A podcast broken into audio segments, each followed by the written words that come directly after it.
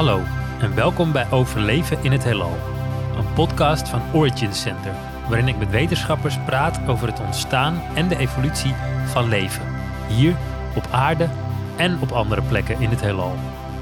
Dit is aflevering 5, waarin we het hebben over evolutie en hoe dat op andere planeten is gelopen. Ik denk als dat helemaal op orde is in, in een klein organisme, dat dan weer enorme diversiteit kan ontstaan. En ook weer hele grote organismen die kunnen ontstaan. En we hebben het over de evolutie van intelligentie. En of het ontstaan van intelligentie eigenlijk iets onvermijdelijks is. Er komt wel weer een tijd na de mensen waarschijnlijk. En of er dan veel zoogdieren zijn. En alle intelligente dieren die wij als intelligent beschouwen zijn allemaal zoogdieren. Eh, dat zou ook wel eens allemaal weg kunnen vallen.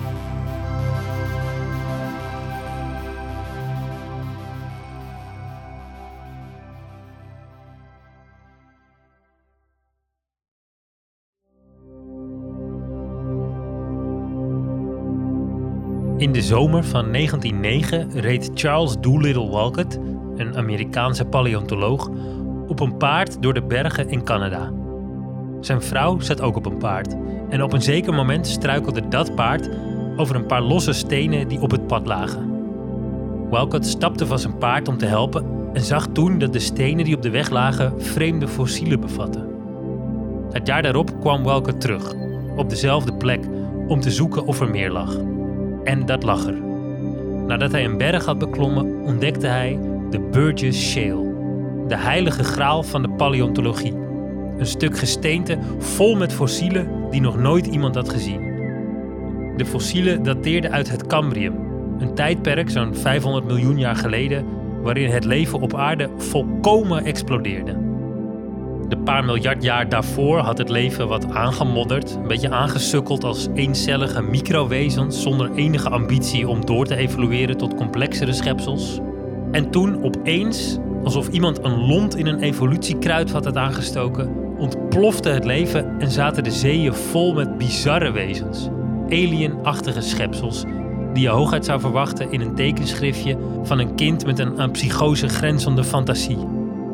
Zo zwom er in de zee een dier dat Opabinia is genoemd. Een platte, insectachtige vis met vijf ogen op steeltjes en een slurf die eindigde in twee klauwen. Of de Anomalocaris, wat in het Latijn abnormale garnaal betekent. Een traag roofdier van soms wel 1 of 2 meter lang, met een schijfvormige mond die niet dicht kon en twee grijpers voor op zijn kop. En er werden fossielen gevonden van de Hallucigenia, vernoemd naar het feit dat je een dier als dit eigenlijk alleen kan verzinnen na een zegeltje LSD.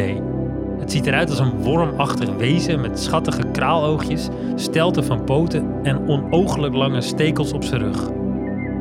Het lijkt alsof de natuur het Cambrium heeft gebruikt om er helemaal op los te experimenteren en alle mogelijke opties van hoe je een levend schepsel kunt ontwerpen heeft willen uitproberen. Alsof er een brainstorm over het leven op aarde is gehouden, waarbij iedere hersenscheet gewoon maar is uitgevoerd en omgezet in een levend wezen om te kijken of er toevallig iets tussen zat dat werkt. De meeste bouwplannen bleken niet goed te werken en stierven uit, maar er zaten een paar pareltjes tussen en die bleven bestaan. Sterker nog, al het complexe leven dat we vandaag de dag kennen, gebruikt de ontwerpen die zijn uitgevonden tijdens die Cambrische explosie. Een bizarre oprisping van creativiteit in een eindeloos proces van evolutie. Mijn naam is Ewout Lowy en in deze podcast spreek ik wetenschappers van het Origin Center over de vraag hoe er op planeten en manen in het universum leven kan ontstaan en evolueren tot bijvoorbeeld zoiets als het menselijk ras. En dit is aflevering 5 en in deze aflevering gaan we het hebben over evolutie hoe kon het allereerste, allersimpelste leven dat er op aarde rondkroop veranderen in olifanten, palmbomen, beren en mensen? En hoe is dat op andere planeten gegaan?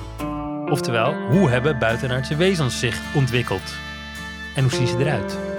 Ik praat erover met Liedewij Laan, groepsleider in fysica van leven aan de TU Delft, en met Thomas Blankers, evolutiebioloog en universitair docent aan de Universiteit van Amsterdam. Hallo. Hi. Hi. Ik wil als eerste eventjes vragen, wat vinden jullie zo boeiend aan evolutie? Wat voor mij eh, vast evolutiebiologie fascinerend maakt, is dat het de verbinding vormt tussen het, uh, het niet levende deel van de wereld, Dus de stenen, de rotsen en de, en, en de grond en het water. Ja. Uh, en de meteorieten die inslaan. En, uh, en het levende deel van de wereld. Dus alle beestjes, plantjes, schimmels en bacteriën. Leg dat eens uit. Nou, die niet levende wereld die bepaalt voor een groot deel uh, de omgeving waarin dat levende wereld zich ontwikkelt. En de selectiedruk waar de levende organismen aan, aan onderhevig zijn. Ja, ja. En evolutie leert ons dus begrijpen hoe organismen door de tijd veranderen door veranderingen in hun omgeving. Uh, en jij, Liedewij? Wat, wat, Nou, ik vind eigenlijk uh, misschien hetzelfde op een andere manier. Ik vind het heel interessant om te denken, wat is nou leven en wat is nou niet leven? Zeg maar. Dus je hebt natuurlijk water, stenen, dat is niet leven. En, en, en wij zijn wel leven, bacteriën zijn zijn wel leven. Maar uiteindelijk zijn we allemaal bijna uit dezelfde atomen en moleculen opgebouwd. Dus Ja. ik, voor mij is bijna de essentie van leven dat je je kan aanpassen. Dus ik vind het ongelooflijk fascinerend dat er ooit gewoon chemische moleculen bij elkaar zijn gekomen. En die zijn zichzelf gaan delen. En dat is gewoon door zich aan te passen, nog steeds aan dezelfde bouwsteentjes. Heeft dat zeg maar geëvolueerd tot alles wat we hier zien. Ja. En dat alles hier gewoon ontstaan is door het, het her- herstructureren van moleculaire interacties. En dat het leven dat zelf kan, voor mij is dat de essentie van leven. Ik vind het zo spannend dat een auto kan dat niet. Die gaat stuk. Tafel gaat stuk. Alles wat stenen, daar sla je op, die gaan stuk. Maar iets wat leven is, dat kan zichzelf veranderen en aanpassen. En, en omgaan met veranderende omgeving. En hoe dat kan, dat vind ik... Dus eh, dat is voor jou de definitie van leven eigenlijk? voor mij wel. überhaupt? Ja, ja. dus sommige mensen zouden zeggen, leven kan zich, is genoeg als het zich kan delen. Maar voor mij is echt het, het kunnen aanpassen aan de omgeving, het fit zijn, daar komen we later nog op terug, ja. is iets wat ik waanzinnig van, fantastisch interessant vind. En eh, graag, dat is voor mij zeg maar een beetje de, het geheim van het leven, wat ik graag een beetje zou willen ontfitselen. Mooi.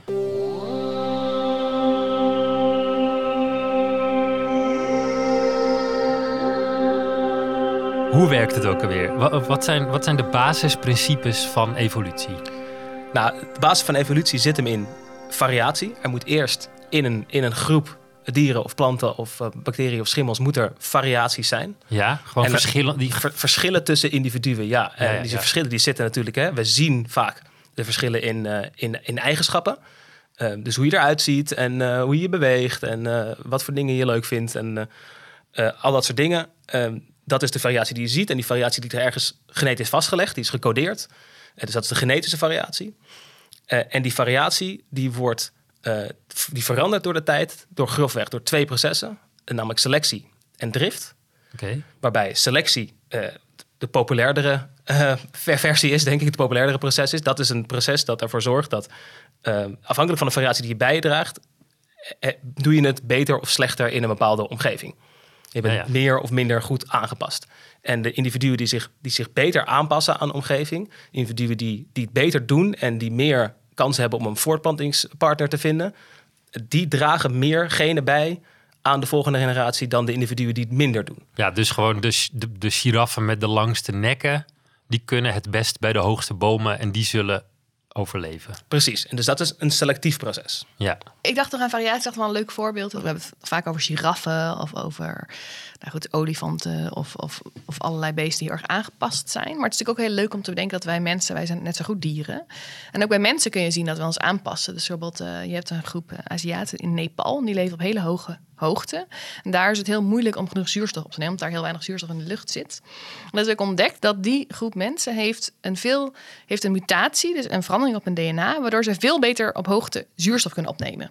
En voor hen is dat gewoon super belangrijk, omdat anders ze daar leven, dan kunnen ze eigenlijk op die hoogte gewoon niet leven. Dus je kunt je voorstellen dat die mensen steeds hoger die berg op konden, omdat ze dat, die zuurstof konden opnemen. Ja. En dat is dus niet zo dat, dat er, die, dat is gewoon toevallig ontstaan. Maar daar was dat een voordeel. En bij ons, eens in zoveel tijd, zal er een kindje zijn in Nederland die ook die mutatie heeft, maar die zal niet Ja, een voordeel daarvan hebben. Dus die zal niet dominant worden. nee, die is dan heel goed in, in op grote hoogtes eh, hardlopen, maar Ja. die heeft er gewoon niks Nou ja, aan. precies. Als hij dan geluk heeft, maar dat is dan weer de kans ook. klein. Als het net iemand is die ook nog eens een keer heel lang is en heel erg van schaatsen houdt, dan, dan zou hij misschien zeg maar heel goed kunnen schaatsen. Maar de kans erop is dus heel klein. Ja. Maar die mensen hebben, al, hebben elke persoon die daar, die daar leeft, heeft voordeel aan die mutatie. Dus die zal dan als genetisch zal dat de populatie overnemen. Ja, dus dit is hoe selectie werkt. En je had het ook nog over een andere manier waarop je kunt evolueren als soort, Thomas. En een ander proces dat wat doet met variatie, dat is drift. Oké, ja. En drift is eigenlijk een, eh, een, een, een willekeurig proces. Dus dat heeft te maken met. eh, hè, dus we hebben het net over eigenschappen gehad die beïnvloeden hoe je overleeft en hoe je je voortplant. Maar in het overleven en voortplanten van organismen zit ook gewoon veel toeval. Oké. Eh, er kan van alles en nog wat gebeuren. Neem bijvoorbeeld een recente evolutionair proces waar we met z'n allen veel mee bezig zijn geweest, is COVID. Er kwamen steeds van die nieuwe strains, steeds van die nieuwe, uh, hoe heet het in het Nederlands ook weer? varianten? Ja, van die varianten kwamen steeds nieuwe COVID-varianten. Uh, en dus een variant die dan in heel erg in frequentie toenam. Hè, Omicron kwam en die nam heel erg in frequentie toe. Dat was omdat die sneller van mens op mens over kon gaan. Die had duidelijk een selectief voordeel. Dus dat is, dat is selectie die ervoor zorgt dat die, dat die toeneemt. Maar als er een, een unieke COVID-variant uh, toevallig een mens infecteert die daarna met niemand meer contact heeft, omdat hij doodgaat of omdat hij een kluizenaar heeft of uh, ja. wat dan ook, uh, dan sterft die strain, die variant sterft uit. Ondanks dat het misschien wel een hele goede is. Maar het had best een goede kunnen zijn. Maar het is gewoon een toevallige, hè, en dus dat, dat willekeurige samplen van de populatie, um, dat zorgt voor een, een, een op basis van kans uh, verschil van de ene generatie op de andere generatie. En dat noemen we het, het driftproces.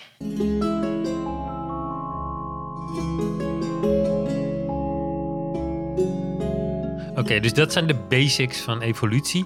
Uh, is het nou zo, miljarden jaren geleden ontstond het leven en dat is natuurlijk steeds verder geëvolueerd tot ons. Dat voelt als een soort één lijn naar steeds complexer en slimmer leven toe. Is dat zo? Is, is, is, zit er een soort eenduidige richting in evolutie? Ja, dat willen we graag denken. Want we denken, er is een eenduidige lijn en wij zitten aan het eind en wij zijn dus de kroon van de evolutie. Ja. Dat is zeker niet waar. Dus het, wat we steeds meer leren van evolutie is dat het juist heel erg convergent is. Dus het allerlei... Convergent? Uh, convergent, ja, dat is een moeilijk woord. Maar dat, dat je heel vaak via allerlei verschillende wegen op hetzelfde punt kan uitkomen. Okay. Dus bijvoorbeeld, ja, dat is natuurlijk moeilijk, klinkt moeilijk. Maar stel, we kijken in de zee. In de zee vliegen, zitten uh, haaien, zitten uh, nou ja, octopussen, zitten walvissen. En dan zou je zeggen, nou, die zitten allemaal, zijn allemaal zeedieren. Het zijn ongeveer rond dezelfde tijd ontstaan. Want we hadden eerst het, het bacteriën, die werden toen complexer. En toen langzaam zeker ontstonden vissen. En die vissen gingen het land op. We kennen het plaatje allemaal wel. Ja, en uiteindelijk zijn wij zelf ontstaan. En dan zie je ons weer langzaam in elkaar krompelen als computerwerkende mensen. Weet je dat beeld Ja, kent iedereen wel. Maar het feit is natuurlijk dat die, de vissen zijn ooit het land op gegaan. Toen vervolgens is een deel daar is het land gaan koloniseren. Maar er is ook een deel. Toen zijn er zoogdieren ontstaan. En een deel van die zoogdieren zijn weer teruggegaan. Dus dat zijn dan bijvoorbeeld uh, de walvissen. En volgens mij, maar ik weet het niet helemaal zeker, zijn nijlpaarden ook weer heel erg verwant aan de walvissen. Dus dan is een nijlpaard is dan zeg maar al een soort die eerst het land op gaan, toen weer de zee en toen weer het land op gegaan. Dus het idee dat dat zeg maar Make up your mind. Nijlpaard. ja, precies. maar het leukste, je hoeft dat dus niet te doen. Evolutie heeft Nee, geen enkele drijfveer om, zeg maar, om één pad te volgen. Er wordt gewoon elke keer geëxploreerd wat dat moment het nuttigst is. En blijkbaar was er op een gegeven moment weer ruimte in de zee voor zeezoogdieren. Dus toen gingen ze daar weer in. Dus het idee dat het één kant gaat, is, is absoluut niet zo. En het is ook heel grappig, vind ik zelf. Want je hebt dus allerlei eilanden waar die al heel lang geïsoleerd zijn. Hebt Madagaskar, je hebt Australië. En wat ik heel grappig vind, dat het in Australië op een gegeven moment is heel erg afgescheiden. Er, zijn, er waren de buidelzoogdieren. In die tijd waren er volgens mij een soort van ratjes in, in de rest van de continenten. En bijna alle soorten die je dan hebt in, in, in het vasteland...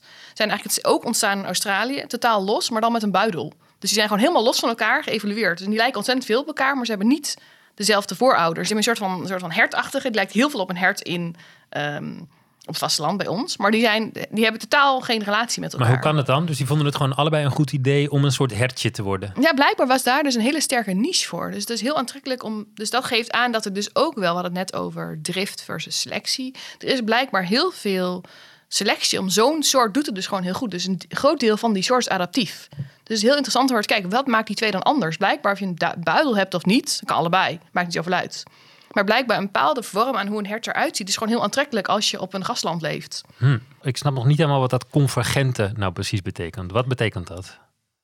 Ja, dat betekent dat, eh, dat je eh, op verschillende plekken door onder invloed van dezelfde selectiedruk dezelfde eigenschappen ziet ontwikkelen in niet aan elkaar verwante dieren. Hetzelfde geldt bijvoorbeeld voor ogen in inktvissen en in zoogdieren. Er allebei complexe ogen ontwikkeld, maar niet, delen niet een gemeenschappelijke voorouder ook met een complex oog. Leg eens uit. Dus je, hebt- je, hebt, je hebt en je hebt octopusogen. Maar die zijn allebei op een eigen manier ontstaan. Ja, dus allebei onder invloed van selectie voor, eh, voor zicht met een eh, bepaalde mate van eh, gevoeligheid en een bepaalde mate van, van Het is resolutievermogen. gewoon handig om iets te hebben waarmee je kunt kijken. Voor een jager bijvoorbeeld is het, en, en een sociaal dier kan het heel handig zijn om goed zicht te hebben. Dat hoeft niet. Het kan het ook op andere manieren met andere zintuigen oplossen. Maar één weg naar het vinden van prooien en, en het communiceren met soortgenoten is via zicht. En daarvoor heb je goed oog nodig. Dus dat oog is gewoon meerdere keren uitgevonden. Ja. Zeker, ja, Precies. ja. Vleugels zijn meerdere keren uitgevonden, ogen zijn meerdere keren uitgevonden. Eh, van alles en nog wat is meerdere keren uitgevonden. En dat in veel gevallen zal het gaan om convergente evolutie. Dus de selectiedruk voor dezelfde oplossingen met een verschillend pakketje startvariatie. Ja, ja, ja. Oké, dus het antwoord op de vraag is, is evolutie eenduidig eh, met één richting geweest? Nee. Nee. Ik wil er nog wel, ik wil nog wel één, één verhaaltje daaraan toevoegen aan, eh, aan deze. Dus dat gaat over wat anders. Er, zijn, eh, er is een stijgende populariteit van een, eh, van een, van, eh, een beeld hoe eh, het leven ingedeeld moet worden. Dus we kijken heel erg naar hè, planten en dieren en schimmels. Eh, maar eigenlijk lijkt steeds meer op dat er, dat er eigenlijk gewoon grofweg twee groepen zijn. Namelijk bacteriën en archaebacteriën. Ehm, en dat is niet een soort van andere smaak bacteriën, maar dat zijn ook voornamelijk eencellige. Ehm, en die vind je er veel ook in tamelijk extreme omstandigheden. Ja. En wat nou recent gevonden, in de afgelopen tien jaar gevonden archaebacteriën ons laten zien, eh, is dat eigenlijk alle complexere dieren, alle schimmels en planten en dieren, eh, die horen allemaal bij de eukaryoten, dat die eigenlijk allemaal onderdeel zijn van een klein zijtakje van de archaebacteriën. Dus als je er nadenkt over de. Hè, wij zien de wereld natuurlijk vanuit ons perspectief, hè, op ooghoogte. Ja. En, niet heel klein en niet heel groot. Dat is wat we goed kunnen overzien. En dan zijn mensen en dieren en bomen allemaal super belangrijk. Maar als je kijkt naar de diversiteit in de wereld, dan zijn het eigenlijk voornamelijk hele kleine, eencellige, bacterieachtige organismen. Dat domineert absoluut in de zin van wat, in zowel hoeveelheid als hoeveelheid variatie. Eh, en, en evolutionaire analyses laten zien dat, dat al die complexiteit die wij zo enorm waarderen, die voor ons zo belangrijk is en die al die pracht en praal in de wereld brengt, dat het eigenlijk een soort van obscuur zijtakje is eh, in een heel veel grotere groep van de archaebacteriën. Ja, ja. En ik denk dat dat tekenend is voor, voor het niet moeten zien van de mens of dieren als een kroon van evolutie. Het is gewoon een richting die we opkonden. En voor ons is dat de meest toonaangevende richting geweest, want dat is wat we zien. Want Ja. we zien die eencelligen niet. Ehm, maar ze zijn er in enorme hoeveelheden. En, Ik dacht dat wij de winnaars waren van, eh, van de evolutie en van de wereld. Nou, wij zijn in ieder geval tevreden. We zijn, we zijn, eh, we- ja, we zijn tevreden, denk ik. Maar eh, tenminste, als soort zitten we er denk ik in biologische fitness uitgedrukt vrij goed bij. Eh, niet Leg biologische fitness nog één keer uit. Dat, dat betekent aangepast zijn aan, aan de wereld. Ja, ik denk dat er veel misconceptie kan bestaan over het woord fitness, omdat het zo lijkt op, op hè, Ja, precies, fitness ja. in de sportschool. Hè, Ja. Dat woord fitness, dat gebruikt natuurlijk ook veel. En dat is precies hetzelfde woord als, als biologische fitness. Eh, maar dat woord heeft veel meer te maken met de mate waarin iets past. Hè, to fit in your environment. Ehm, dus de mate waarin je aangepast bent aan je omgeving. Het heeft niks met kracht of sterkte of, of uithoudingsvermogen te maken. Dat kan natuurlijk een eigenschap zijn die ertoe doet. Ehm, maar het, dat hoeft niet. Het kan ook aangepast zijn aan, eh, aan iets anders. eh, dat niks met kracht en, en sterkte te maken. En biologisch fitness is niets anders dan eh, een organisme dat beter aangepast is, of een hogere fitness, die krijgt meer nakomelingen. Ja. We gaan zo terug naar deel 2 van het gesprek. Maar eerst even iets anders. Want je kunt aan wetenschappers vragen hoe wezens op andere planeten zich zouden kunnen hebben ontwikkeld. En dat zal ik ook zeker doen in deel 2.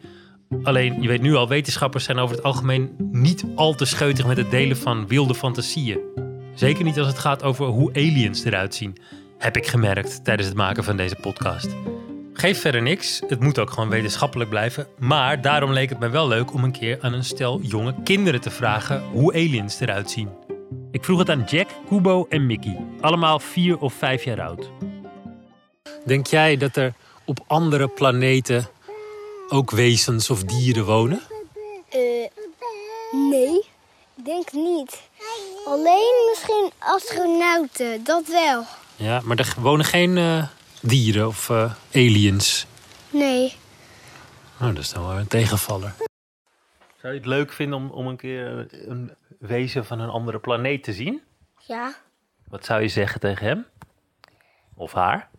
ik zou een hele lange raket zeggen. Wat zou je zeggen? Hele lange raket. Je zou een hele lange raket? Ja? Zou je daarin gaan? Ja. Met jou. En dan? Naar sterren gaan. En misschien komen we dan wel ruimtewezens tegen, hè? Wat een ruim, ruimtewezens. Ja, een soort wezens die niet op planeet Aarde wonen. Denk je Je dat? stinkt het een beetje. Kan jij hier de sterren wel eens zien? Ja? Ja, vanuit je raam? Ja. Denk jij dat er buitenaardse wezens daar ook wonen, daar in, bij die sterren? Nou, eigenlijk wonen buitenaardse wezens wel op andere planeten. Ja, die wonen daar wel, denk jij. Die bestaan. Ja? Ja, En hoe zien ze eruit? dat weet ik niet. Nee, maar wat denk je? Wat voor kleur zouden ze hebben? Eh, een beetje bruin. Bruin? Oké, ik moet heel eerlijk bekennen dat ik iets meer van dit idee had gehoopt. Want na drie pogingen was de wildste omschrijving van buitenaardse schepsels dat ze misschien een beetje bruin zijn. Maar toen sprak ik Salvador. Salvador is pas vier jaar oud, maar hij weet ongeveer alles van sterren, planeten en ook buitenaards leven. Misschien komt dat doordat zijn opa bij de Europese ruimtevaartorganisatie werkte en zijn moeder schrijver is en zijn vader een groot tech- en wetenschapsplatform runde. Maar hoe dan ook, ik sprak met hem af in de bibliotheek om te vragen hoe hij buitenaards leven voor zich ziet. Jij weet veel van ruimtewezens, hè? Ja. Alien. Oh, aliens, ja. En hoe komt het dat jij zoveel van aliens weet? Heb ik gewoon geleerd op school. Leren ze je tegenwoordig op school over aliens? Nee, ik had het gewoon geleerd. Nou, gewoon eh, autodidactisch. Ja, gewoon geleerd. Ja, precies. Waar wonen aliens? Op planeten. Wil je een keer naar een andere planeet gaan om er een te zien? Een zwart gat wil ik. Oh, je wil een zwart gat in. Ja. Zitten daar ook aliens? Nee, daar word je van achter spaghetti gemaakt die je lekker opslurpt. Ah, oké. Dit is wat Einstein al voorspelde. Zwarte gaten. Ja. Die slurp je spaghetti op. Ja, wat Salvador hier duidelijk maakt is dat als je als mens richting een zwart gat zou vliegen en je komt in de buurt van de waarnemingshorizon, dus zeg maar de rand van het zwarte gat, dan neemt de zwaartekracht zo snel toe dat je voeten harder naar binnen worden gezogen dan de rest van je lichaam, waardoor je als het ware uitrekt tot een lange sliert. En dit fenomeen wordt in de astrofysica spaghettificatie genoemd. We hebben hier een boek voor ons en dit is een maan en die maan heet Titan. Zouden ze daar ook wonen? Titan bij Saturnus. Ja, bij Saturnus, inderdaad. Wonen daar ook aliens? Ja, ik denk het wel. Oké. Hoe zien aliens eruit? Te- teken ons even hoe een alien eruit ziet. Ja, soort lijf zie ik. Oh, er zit ook iets op zijn hoofd. Wat is dat? Voelsprietjes. Hebben aliens voelsprieten? Ja, Wat zijn dat? Al die stipjes? o- ogen. Dat zijn allemaal ogen? Ja, en het zijn wel 1, 2, 3, 4, 5, 6, 7, 8, 9, 10, 11, 12, 13, 14, 15, 16, 17, 18, 19, 20. eh, Die had je al. Twintig ogen heb je getekend. ja, En heeft hij ook nog... Want hij moet ook eten. Hoe doet hij dat dan? met zo'n boos mondje. Ja, zo een beetje een boze alien. Waarom is hij boos? Omdat hij zo graag mensen wil eten en hij heeft geen mensen. Wat voor kleur hebben aliens? Groen. En ze kunnen ook rood zijn. Oké. Wat voor geluid maken aliens eigenlijk? Ze praten gewoon, maar ze praten wel een heel gek stemmetje. Oh, doe eens voor. Kunnen aliens ook vliegen door de ruimte? Ja, met een ruimteschip. En ze hebben een ruimteschip. En waar, waar vliegen ze dan heen? Ze kunnen overal naar heen vliegen. Ook naar de Dit aarde. zijn...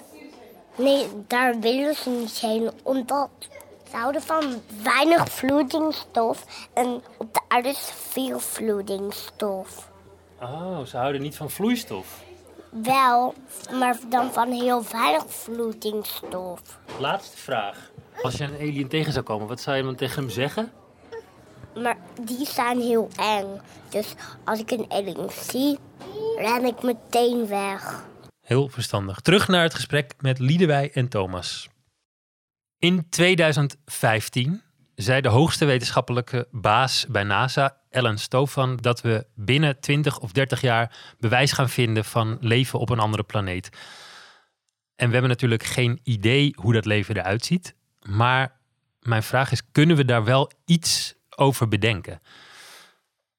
Ehm, laat ik beginnen met de vraag: als er, als er ergens op een verre planeet leven is ontstaan, eh, is daar überhaupt ook evolutie? Is evolutie altijd iets onvermijdelijks?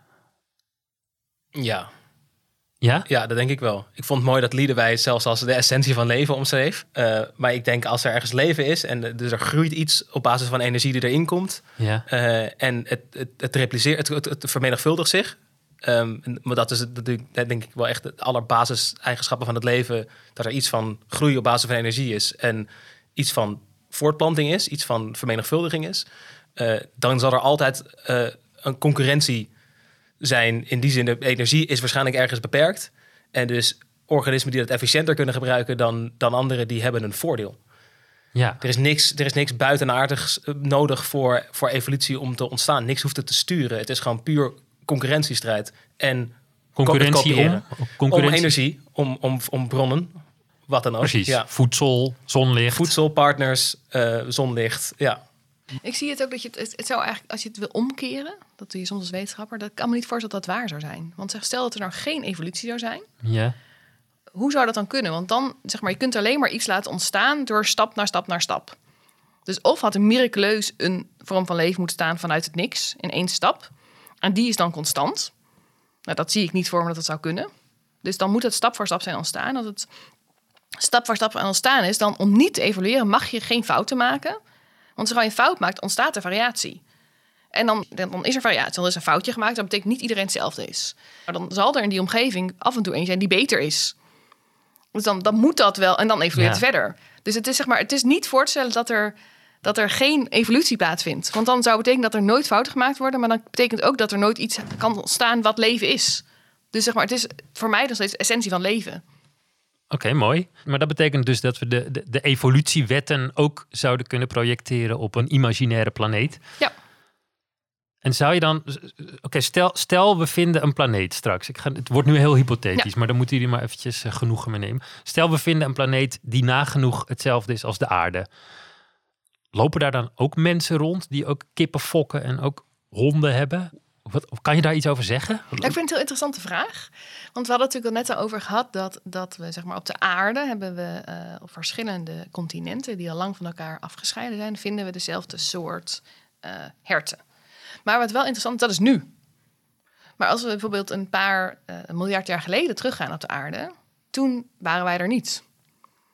En toen waren ook al die zoogdieren er niet. Dus, dus ik zou denken, de kans dat daar op een moment in hun evolutie iets als mensen zijn, is misschien best groot. Maar dat moment dat wij daar kijken, net op dat moment de mensen dominant zijn, in plaats van de dinosaurussen of de micro-organismen, die kans is dan misschien weer niet zo groot. Maar als je dan naar alle mogelijke planeten die er zijn in, de, in het universum, zeg maar, zou zoeken, is er misschien wel net één planeet waar op dat moment de ook een soort iets als de mensen, uh, zeg maar, dominant is.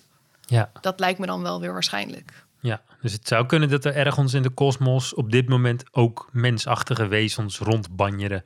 Uh, en, en andersom, stel we hebben een planeet die helemaal niet op de aarde lijkt. Bijvoorbeeld, er, er is gewoon een hele dikke atmosfeer en, en er is nergens licht. En, en de, de bodem bestaat gewoon nergens uit steen, maar alleen maar uit slijk.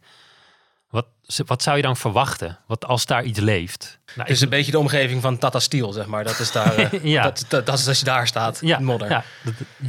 Ja, wat leeft daar nog? Nee, maar gewoon, ik denk dat je dus uh, met die vragen eigenlijk al op aarde kan, uh, kan beantwoorden. Je kan, uh, je kan naar allerhande extreme omgevingen in de wereld en daar vind je leven. Daar vind je bacteriën, maar je vindt er zelfs, zelfs dieren. In 2011 is er op 3,5 kilometer diepte een nematode gevonden. Wat dus, is een nematode? Een nematode is een rondwormpje. Oh ja? Die zat in een soort van ja, in een ruimte met water dat al uh, drie tot 12.000 jaar oud was. Gewoon een heel oud poedeltje water met wat bacteriën erin. Ja, in een grot of zo? Dit is in een, in een mijn, was dit ergens. Oh. Dus daar, daar was een nematode gevonden. Iemand had nog wat beter bekeken. En het bleek dat echt een, een nematode te zijn die daar leefde. Uh, ja, onverstoord. Had wat bacteriën daar. Maar één of, of een groep? Nee, een, een, een, een, een populatie. Ja, oké. Maar het is echt bizar. Je hebt al van die bizarre organismen. Je hebt namelijk ook, dat is altijd leuk natuurlijk. Zeg maar een beetje als. Want je hebt de tardigrades. Nou, voor de mensen hier die niet weten wat ze zijn, Google ze. Zijn echt heel het erg beerdiertje. Leuk. Het beerdiertje is echt heel schattig. Ik heb er een knuffel van. Die, ja. Je kent hem. Nou, dat is echt een heel leuk diertje. In het idee is dat dat beestje dus echt gewoon niet valt uit te roeien. Dus het, al, vlak voordat de zon zeg maar de aarde gaat opslokken is het tardigrade, het beerdiertje, is er nog. Dus dat is ook zo'n beest wat gewoon alles overleeft. Ze hebben hem ook meegestuurd op een, op een raket en die is teruggekomen. En, tard, en de tardigrade deed het nog steeds. Dus zeg maar dat soort extreme vormen van leven, die, die zul je overal vinden. Ja, oké, maar mijn vraag is: stel je hebt een planeet met totaal andere omstandigheden dan op aarde. Uh, hoe ziet het leven daar dan uit? Dus misschien moeten we het gewoon heel concreet maken. Stel er blijkt leven op Mars te zijn. Hoe zouden die organismen, die, die wezens op Mars, uh, er dan uit kunnen zien? Nou, die nematode die ik net beschrijf, kan daar prima vertoeven natuurlijk. Die heeft alleen maar een klein beetje water. En, en dat er ergens in de bodem van Mars water heeft gezeten, is volgens mij nu wel zeker. Het is mijn expertisegebied niet, maar ik dacht dat dat wel zeker was. Dat het zelfs mogelijk was dat er nog steeds water is. Mhm. en, en dus wat je kan hebben is een duizend jaar oud poeltje water... ingesloten tussen een rotspartij... ver verwijderd van alle extreme omstandigheden op de oppervlakte. En daar kunnen bacteriën en zelfs dus dieren in leven, in gedijen. Als je op 3,5 kilometer diepte op aarde een, een wormpje kan vinden... dan kan je dat denk ik ook onder het oppervlakte van Mars. En als het veel complexer wordt op een gegeven moment. Ik neem aan dat dat, dat, dat kleine wormpje nog niet zo'n heel ingewikkeld dier is. Het gaat natuurlijk puur om zeg maar, hoe lang daar al leven plaatsvindt. Want als daar. Kijk, het is een hele grote uitdaging dat je daar geen atmosfeer hebt. Dus dat het van heel koud naar heel warm gaat. Ja, de temperatuurverschillen zijn enorm. Ja. Maar goed, als daar ook 5 miljard jaar de tijd is geweest, dan, dan. En er is geen competitie. Kijk, op de aarde liggen dingen ook relatief goed vast, omdat er gewoon al heel veel soorten zijn. Dus het is niet zo dat er heel makkelijk een heel slecht aangepaste soort kan zijn die opnieuw multicellulair wordt, omdat er gewoon al heel veel grote soorten zijn. Maar als op Mars op een gegeven moment gewoon een klein langzamer zee kan er steeds meer complex leven ontstaan. Nou wil je natuurlijk ook concreet van mij weten hoe dat eruit ziet. Maar gewoon een paar eigenschappen. Ja, dus eigenschap zou zijn, van een of andere reden moet je in staat zijn om ofwel een heel groot een gat in de grond te graven, denk ik, waardoor je uh, je kan beschermen tegen de hele, hele grote hitte en hele grote kou. Dus je moet ergens met die grote temperatuurveranderingen omgaan. Oh ja. Je moet ermee om kunnen gaan dat er heel veel UV komt. Dat is helemaal niet goed voor ons mensen. Of eigenlijk alle organismen, want dat heel die DNA stuk maakt. UV-straling. Ja, dus DNA is waar onze, onze eigenschappen opgeslagen zijn. En je wilt daar een klein beetje variatie krijgen, omdat dat weer zorgt dat ons kunnen evalueren. Maar als dat te veel is, dan continu wordt het hele boek aan stukken gescheurd. Dat is niet zo handig voor het behoud van je genetische zeg maar, van je kennis. En je wilt je eigenschappen doorgeven. Dus als het continu een stuk wordt gescheurd. Dus dat beest moet, of het organisme moet een manier hebben om zijn, uh, zijn eigenschappen door te geven aan de volgende generatie, die met UV om kan gaan. Ik heb eerlijk gezegd geen idee hoe dat zou moeten. Dat zou ik een scheikundige vragen. Ik weet niet wat er wat precies te eten valt op Mars. Maar uh, ergens moet je waarschijnlijk een of andere metabolisme hebben... waar je niet op basis van zuurstof... maar een andere chemische component moet je energie kunnen omzetten. Ja, omdat er bijna geen zuurstof is ook. Maar goed, je vindt hier op de bodem van de oceaan in Trogge ook uh, uh, zwavelzuur fixerende... ja, precies. Maar goed, dat zijn dus de eigenschappen. Wat zijn dat? Wat de, zwa zwavel-oxiderende bacteriën, hoe noem je dat? Dus die doen dan chemosynthese in plaats van een fotosynthese. Dat is allemaal zonder licht. Die gebruiken gewoon chemische flows onder in de, op de bodem van de oceaan. En die zijn daar de primaire producent. En dan kunnen anderen die bacteriën weten. Maar die hebben dan CO2. Dus dan moet je nadenken, wat zijn je basisstoffen waarmee je zeg maar, energie creëert? En dan moet je maar scheikundig vragen, wat is dan precies... welke chemische reacties zouden kunnen plaatsvinden waar je energie uit kan, uit kan halen? En op die manier kan je voorstellen, als, als eenmaal de basiseigenschappen er zijn... je kunt uit jouw omgeving energie halen. Je kunt je, je genetische eigenschappen behouden. Je kunt ervoor zorgen dat je je temperatuur een beetje in de hand houdt. Ik denk als dat eenmaal op orde is in, in een klein organisme... dat dan weer dat is eigenlijk zelfs op aarde is gebeurd. Als dat helemaal goed ligt, dat er dan weer enorme diversiteit kan ontstaan. En ook weer hele grote organismen die kunnen ontstaan. Omdat zij dan dat probleem niet meer zien. Dus ik denk op dat moment dat er dan een organisme is... wat dan misschien wel zelfs wel een beetje op ons lijkt... maar een of andere reden niet meer dat DNA-probleem heeft. Ja, en, en moet dus heel goed kunnen graven. Dus dan zie ik een soort hele grote mol voor me.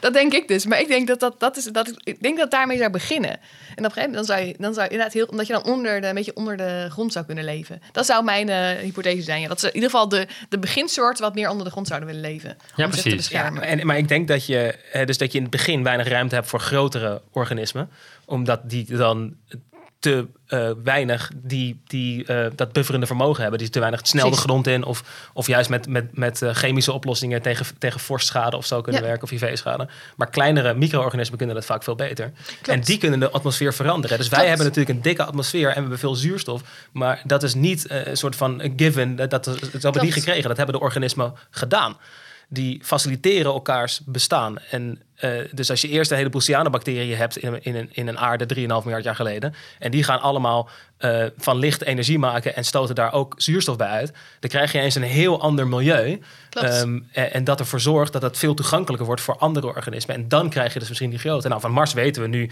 dat er, daar, is geen, daar vind je geen grote dieren. Dat kan ik je garanderen. Maar wel micro-organismen kan je daar vinden, wellicht. En, en wellicht ook kleine diertjes. En, maar het zal vooral hè, wat onder de grond zit... eh, om op een van die temperatuurregulatie gedragsmatig te doen. En, eh, en de, de, ergste klappen van de UV eh, te ontwijken. En er zijn ook gewoon gruwelijke zandstormen op Mars.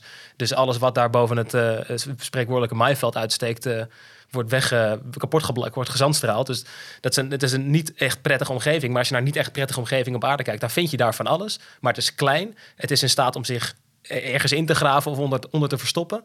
Ehm, en, het, en het kan vaak langere tijden zonder, Ja. zonder, zonder energie. Dus het heeft een soort van overlevingsstadium... ehm, eh, om een tijdje niet te hoeven eten...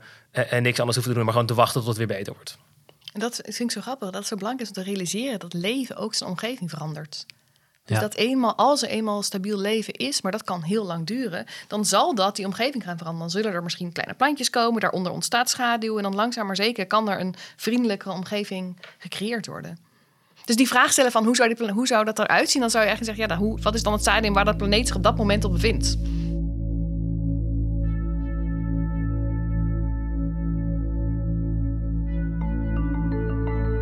Is het mogelijk, of misschien zelfs onvermijdelijk, dat er ook op andere plekken breinen zijn ontstaan en intelligentie? Thomas, hoe denk jij hierover? Laten we beginnen met, laten we beginnen met het brein. Want ik denk dat dat nog wel... Je zegt twee dingen. Je zegt het brein en intelligentie. En het ene is een duidelijke subset van het, van het andere. Dus er zijn heel veel organismen met breinen. Eh, alle dieren, behalve de neteldieren en de eh sponsen, hebben een zenuwstelsel. Eh, en die hebben vrijwel allemaal eh, een, ergens een centraal punt in dat zenuwstelsel... waar alle sensorische, alle zintuigelijke informatie binnenkomt. En dat is het brein. Dat is meestal aan de voorkant van een organisme. Eh, en jouw brein is, eh, behalve dat jij natuurlijk hele intelligente dingen kan met je hoofd, is het vooral, Nou, in- ja, toch vooral informatie verzamelen. Het is vooral input van je ogen, oren, neus en mond en tastzin over je hele lichaam. Die komt daar samen Mhm. en wordt daar verwerkt. En dat is wat een brein primair doet. Dus alle insecten hebben een brein. Nog los van of ze iets vertonen van gedrag wat we intelligent zouden noemen.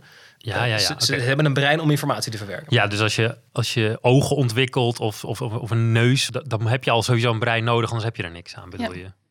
Ja. Oké, laten we dan naar intelligentie gaan. Is intelligentie iets onvermijdelijks? Ik denk dat het een, een, je een voordeel kan geven. Omdat je daarmee gewoon slimmer kan anticiperen op je omgeving. Maar ja, dat is wel maar net, dat, daar moet je een prijs voor betalen. Hè? Want dan moet je dus een heel groot organisme worden met een groot brein. Dus zeg maar, als die omgeving. Wat is dan de prijs? Nou ja, als jij heel klein bent, dan kun je snel delen. En je kunt vaak heel lang, zeg maar, dormant zijn. Betekent dat dat je dus zeg maar twee eeuwen lang in je holletje kan zitten, wachten tot er weer een keer regenbouw komt. Ja. Terwijl wij als mensen hebben heel veel onderhoud nodig. Dus wij, wij moeten elke dag eten, wij moeten niet te veel zon. Wij kunnen niet eh, zeg maar, onszelf in een gat graven en daar drie jaar lang winterslaap doen. En dan als de omgeving beter wordt, weer tevoorschijn komen. Oh ja, dus we hebben ook gewoon een hele stabiele omgeving Ja, nodig. we hebben een hele stabiele omgeving nodig en wij hebben, moeten eigenlijk heel goed voor onszelf onderhouden. Dus dat, dat brein moet continu zuurstof hebben, moet continu eten hebben. En anders dan functioneert dat niet goed. Dus dat is de, de, gro- de grote prijs die we betalen. Ja. de, de winst die we hebben is dat wij kunnen proberen om de toekomst te voorspellen. We kunnen proberen te voorspellen wat gaat er gebeuren. Kijk, want ik, ik nu kijk naar buiten. Maar ik kan denken, hey, ik, had vanochtend kunnen denken, het gaat sneeuwen. Ik trek mijn windjas aan. Dat is hartstikke handig. Ja. Dan krijg ik niet koud, word ik niet ziek. En dat maakt dus dat ik me beter kan aanpassen aan de omgeving. Die verandert. Zeg maar, dus intelligentie kan maken dat ik me beter kan aanpassen aan de omgeving. Omdat ik beter vooruit kan gaan denken, wat gaat de omgeving worden? Dus in zo, en, en dat betekent dat je dat intelligente wezens een voordeel hebben op Ja. eh, al die domme kippen. Ja, maar die, als die nou gewoon met heel veel zijn, dan, dan gaat de helft dood. Maar ja, dan, als de andere helft dan doorleeft en ze daarna weer harder doorgroeien, dat is gewoon het- de aanpak van de grote aantal. Dat doet de micro-organismen. Die gaan gewoon, dan gaat de helft dood. Of ze gaan in dormant state, gaan ze gewoon wachten tot ze weer kunnen. En als dan de omgeving beter is, dan zijn er genoeg over die heel hard doorgroeien. Dus dat is de aanpak, de domme brute force, zeg maar, domme kracht aanpak, werkt ook goed. Dus ik denk dat er ruimte moet zijn om een stabiel genoeg omgeving te hebben om zeg maar, jouw, jouw brein, brein zeg maar, goed te verzorgen. En dan heb je er een voordeel van. Ja, ja. Dus, dus je zou, als, een, als je een stabiele planeet ontdekt ergens, dan is er een kans dat daar leven is ontstaan dat ook in staat is om eh, technologie te bouwen Of in ieder geval om, om, ook vooruit te kijken en Ja. dingen te bedenken. En misschien, eh, ja, wat, wat is nog meer? Wat doe je nog meer met, een, met, met je intelligentie? Nou, het is vooral natuurlijk in sociale, Ja, o- sociale- context heel belangrijk. Hè? Dus dat je, dat je goed weet... Samenwerken. Ja, Precies, dat je goed kan ook. samenwerken. Dat je een, een complexe eh, sociale structuur erop na kan houden... waarin iedereen kritieke taken vervult. Ja. Eh, en je dus met elkaar daarvan profiteert. Ja. Eh, dat je niet de hele tijd allemaal precies hetzelfde hoeft te doen... maar dat je eh, Ja. Taken kan verdelen onder elkaar. Ja, dus als je vooruit kan kijken, dan kun je al weten, oké, het gaat regenen. Maar ik bedoel, als ik ook zelf helemaal mijn windjas moet gaan maken en mezelf mijn, mijn katoen moet gaan oogsten en dat moet kaften, zeg maar, en daar nou, draad van moet maken en windjas moet maken, dat is hartstikke veel werk. Maar als ik die taak kan verdelen, dan kan ik ook nog eens een keer de kennis die ik heb, die eraan komt, ook een keer goed verdelen en daar als soort een voordeel mee doen. Maar, maar ik denk toch niet, dat is niet, niet de enige manier waarop dat kan, is met intelligentie. En ik, ik denk, waar. ik denk ook niet dat intelligentie evolutionair gezien iets onvermijdelijks is. Denk eigenlijk dat er best wel een paar bijzondere dingen bij elkaar moeten komen. Dus een constante eh, omgeving, een redelijk stabiel klimaat, is, werd al genoemd, is belangrijk. Eh, maar we hebben het ook al eerder, hè, het, begon, het gesprek begon met, eh, alles werkt op basis van de variatie die er is. En er komen door mutaties komen natuurlijk nieuwe, nieuwe smaakjes bij. Maar ik denk ook wel, ik, ik denk wel dat intelligentie is niet een, een soort van essentiële voorwaarde voor, voor het leven. Eh, sterker nog, de meeste levensvormen zijn niet intelligent. En de meeste tijd van dat er, aarde, dat er leven op aarde is, was er geen intelligent leven. Eh, dus ik, ik vind het moeilijk om. En het kan zeer goed zijn dat er, dat er in een volgende grote transitie. En misschien zitten we er nu al in. Misschien zitten we nu inderdaad in een massa, massa-uitstervingssituatie. En om maar als voorbeeld te geven, er wordt wel eens over gepraat dat dit de zesde massa-uitstervingssituatie is waar we nu in zitten. Hè, er komt wel weer een tijd na de mensen waarschijnlijk. En dan ziet het weer anders uit. En of er dan veel zoogdieren zijn. Hè, alle intelligente dieren die wij als intelligent beschouwen, zijn allemaal zoogdieren. Eh, dat zou ook wel eens allemaal weg kunnen vallen. Ja, ja. En dan is het dus maar eh, de vraag hoe onvermijdelijk intelligentie nou is. Was het, was het een, een, een kort vlekje in de evolutionaire tijdschaal? of een Eh, eindpunt. Eh, Of, of, is het nou, of is het onvermijdelijk dat het gebeurt en gaat het nog een paar keer gebeuren? Hè? Zijn er nog een paar keer situaties dat er intelligente, die, intelligente dieren eh, een dominante rol spelen op aarde? Ik denk niet dat het zonder meer onvermijdelijk is. Maar even, even terug op de, op de, op de vraag. Maar, is, het, is het mogelijk dat er op andere plekken in het universum intelligentie is Ja. ontstaan? mogelijk zeker. Mogelijk zeker. Waarschijnlijk zou ik zeggen. Waarschijnlijk, zeg jij zelfs. Misschien Ik weet, ik weet niet of ik voor waarschijnlijk ga, maar mogelijk, eh, ja, mogelijk zeker. Het is niet, het, daar is niet, want dat is dan de vraag, er is niet een soort van extreem toevallige cocktail van ingrediënten voor nodig om daar toe te komen. En ook, hè, dus we hadden het al eerder over convergente evolutie, intelligentie is ook op meerdere manieren, het is een vogels, kraaien met name zijn er bekend om, eh, die met wat wij als intelligentie definiëren zeker goed scoren. Ehm, als intelligente dieren. En dat heb je dus ook bij zoogdieren. En dus dat is een voordeel, voorbeeld van convergente evolutie. Eh, en dat alleen al geeft aan dat het dus op meerdere manieren mogelijk is. En ik denk dat. eh, dat het, eh, dat het dat- niet zo uniek is. ik denk niet dat, dat er maar één weg naar intelligent leven is. En dat het daarom zeker mogelijk is dat je dat elders vindt. Maar hoe waarschijnlijk het is. En wat, we, wat Walide wel eerder noemde. hoe, wanneer kijk je naar een planeet? Ja, bedoel, precies. beschouw de planeet aarde in zijn 4,5 miljard jaar. En het grootste deel van de tijd vind je er geen mensen. en geen intelligente En geen intelligent leven. Nee. Oké, Liedewijn Thomas, dank jullie wel. Dat was heel leuk. Fijn. Bedankt. Dit was aflevering 5 van Overleven in het Heelal. In de volgende en tevens laatste aflevering gaan we het hebben over de dood, uitsterven en het einde van diersoorten zoals de mens. Overleven in het Heelal is een podcast van Origin Center. Veel dank aan de gasten van deze aflevering, Liedewij Laan en Thomas Blankers. Deze podcast wordt geproduceerd door mij, Ewout Lowy, met hulp van Aike van Oort en Jim Ottelee. Veel dank ook aan de Origin stuurgroep en aan Wiegertje Posma voor de eindredactie. Veel dank voor het luisteren.